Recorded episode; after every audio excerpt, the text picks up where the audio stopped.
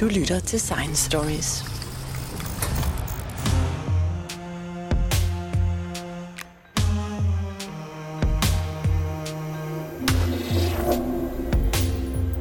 En af de helt store personligheder inden for psykologisk forskning, Mihai Csikszentmihalyi, døde i sidste uge.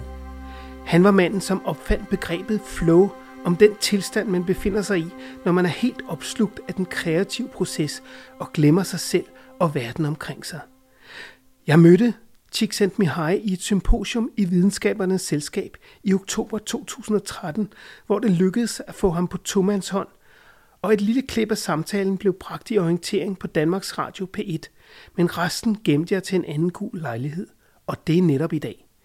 Ifølge Mihai Csikszentmihalyi er tilstanden af flow den mest lykkelige tilstand, man kan befinde sig i, hvor koncentrationen og energien, man lægger i at løse en opgave eller forstå en problemstilling, overgår ens bevidsthed om sit eget ego, tid og sted.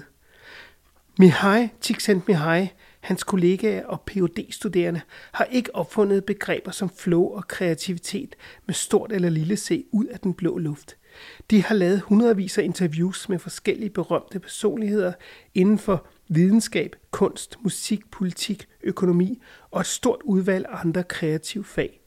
På grundlag af de mange interviews har Csikszentmihalyi opstillet en række kriterier for kreativitet og beskrevet forskellige arketyper af mennesker, der er kreative på forskellige måder. Det interessante her er, at dem, man umiddelbart opfatter som den kreative klasse, ikke altid er så kreativ, som de giver sig ud for at være. Kreativitet er ikke at gøre som de andre, men at gøre og skabe noget nyt og anderledes. Der er også forskellige skalaer af kreativitet, med stort eller lille c.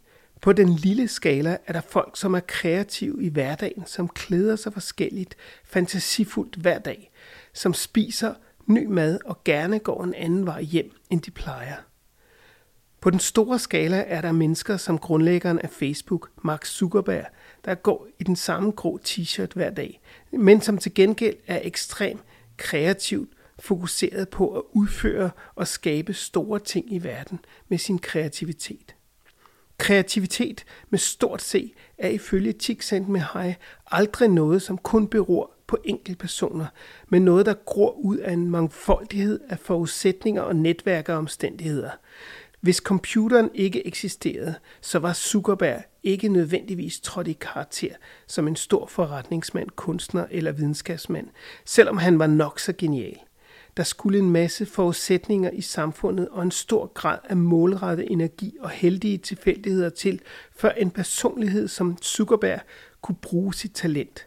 Jeg skal ikke bruge jeres tid med lange forklaringer. Lad os høre Csikszentmihalyi selv fra symposiet om kreativitet i Videnskabernes Selskab fra 2013.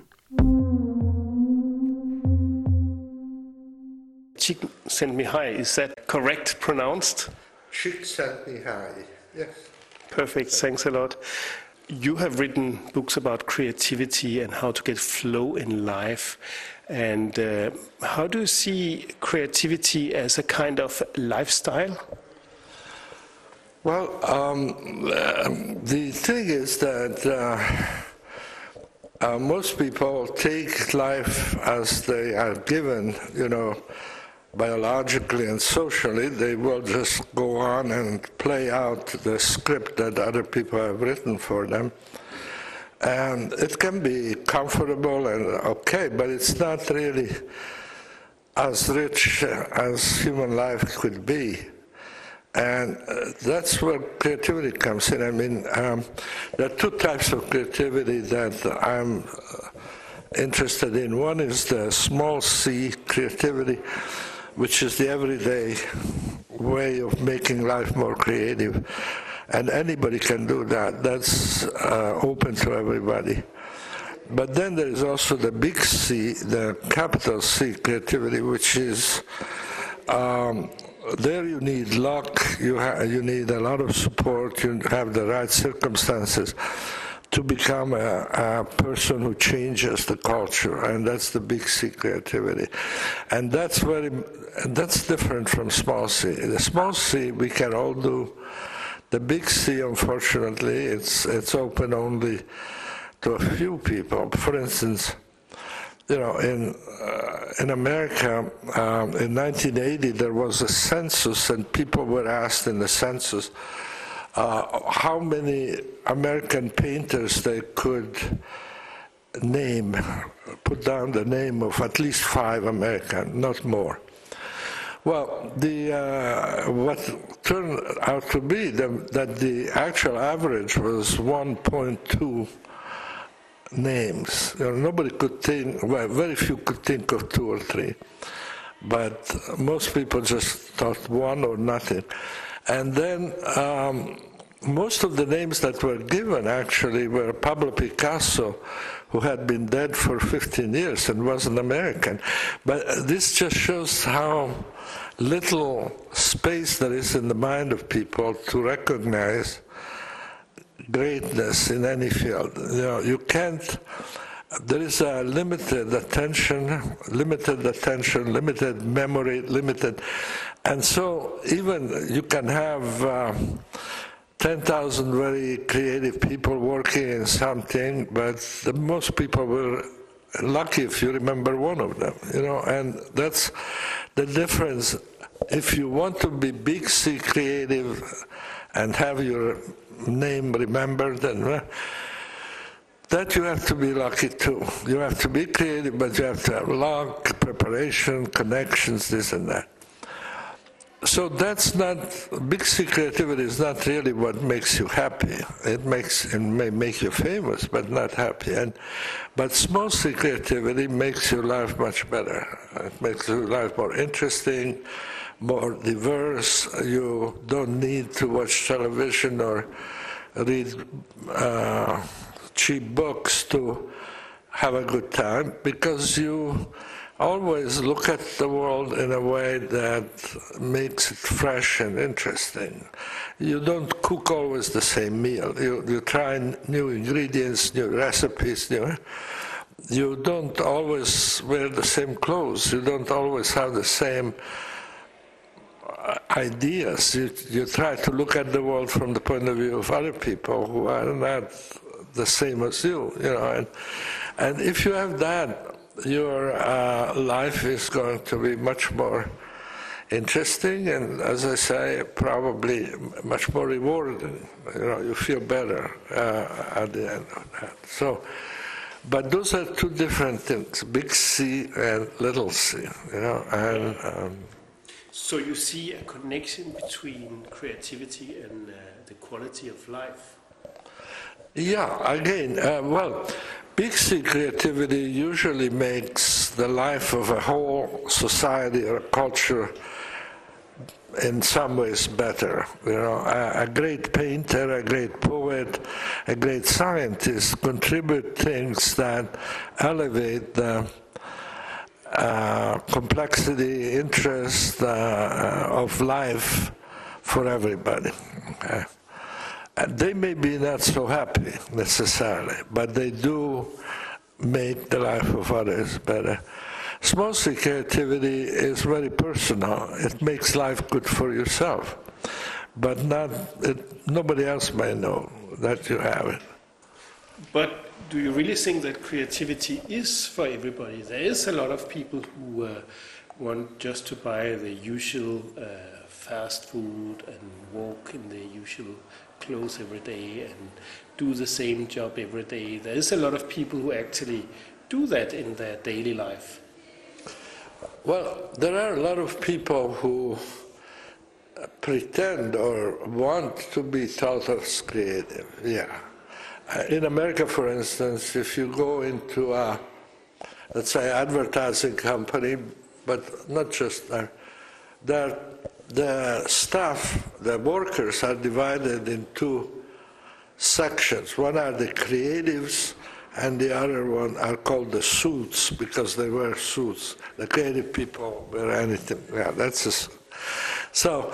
Um, then uh, the creative people are supposed to be interesting, brilliant, uh, imaginative, creative and the suits are supposed to, you know, fill out the forms and the documents and so forth. And that's a very silly idea because probably the creativity of the two groups is probably the same, except in one group it's made the center of their image and their personality, and so they act as if they were creative. They, they're probably very, I don't know, uh, uh, most of them aren't really creative. You know, uh, really creative people tend to be very boring outside of their own field. You know, they dress very conservatively. They have a very predictable life. They get up early in the morning, go to sleep early.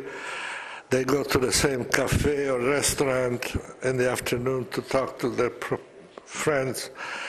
But otherwise, their life is very systematic. You know, it's not like what you think of the creative person who's always doing something different.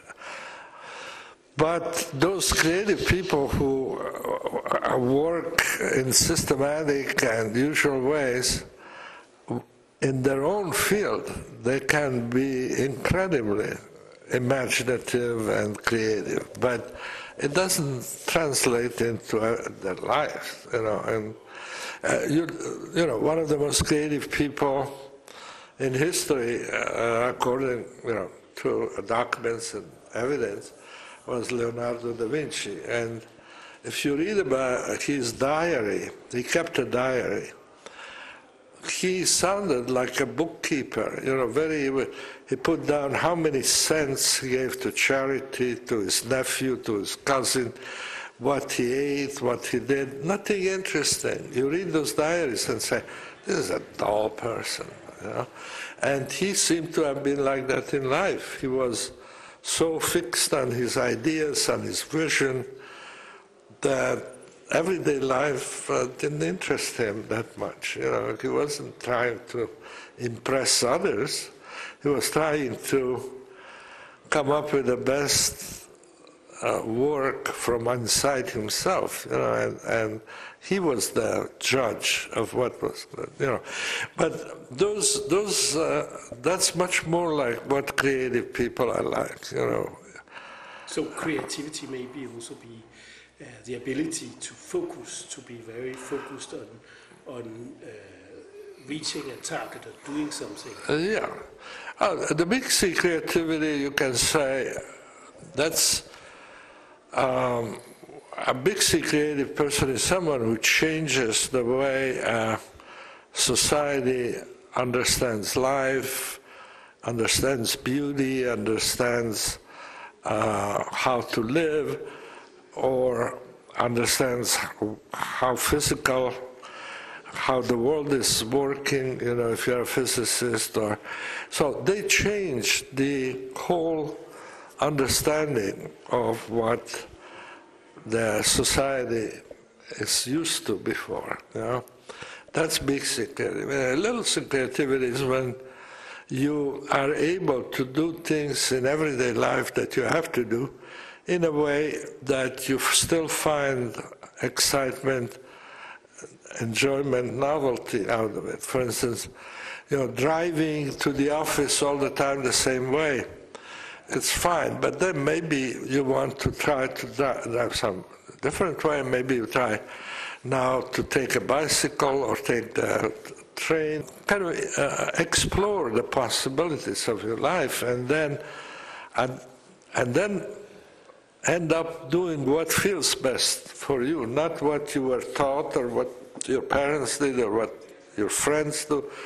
What is what is the life that you think is best for you. you know?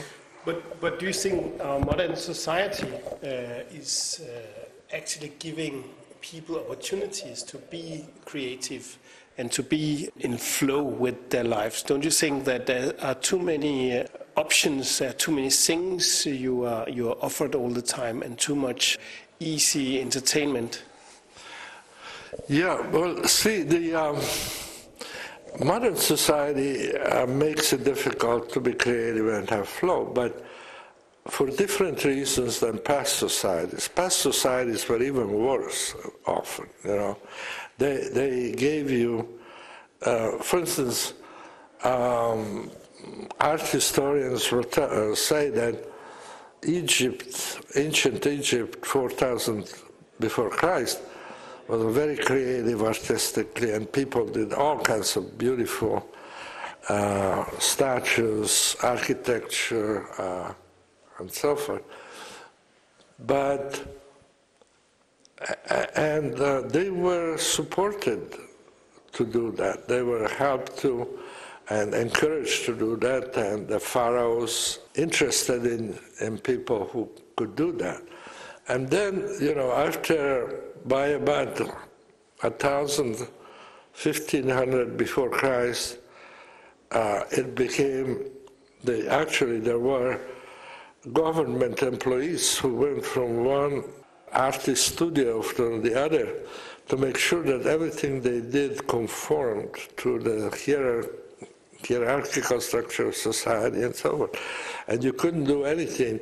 If you made a pharaoh too small, uh, uh, uh, burn that. You know, I'm gonna say. and um, things of that stuff. So uh, then there was a period of flowering, you know, in Greece, and then again in the West for a while, the church was uh, very strict about what, and of course the Renaissance, you know, in 15th century Italy, that broke that thing and said we should be happy, we should be free, we should be uh, doing what we like to do and so forth, and that be, that worked for some people some of the time, but very soon that uh, was misunderstood and exploited, and then back again. And now we are in another period where we have new public management now. That means that you yeah, film yeah, yeah, you can and, film, yeah. And, and, okay, he wants to take you to. Uh, to Could we wait about a few more minutes? And yeah. Oh, oh, oh, okay. Og så blev interviewet afbrudt, da Csikszentmihalyi blev kaldt tilbage til symposiet i Videnskabernes Selskab. Jeg kan anbefale at læse bøgerne om flow og kreativitet. Denne podcast blev lavet i mit eget flow med tanker til Mihai Csikszentmihalyi, som døde i sidste uge.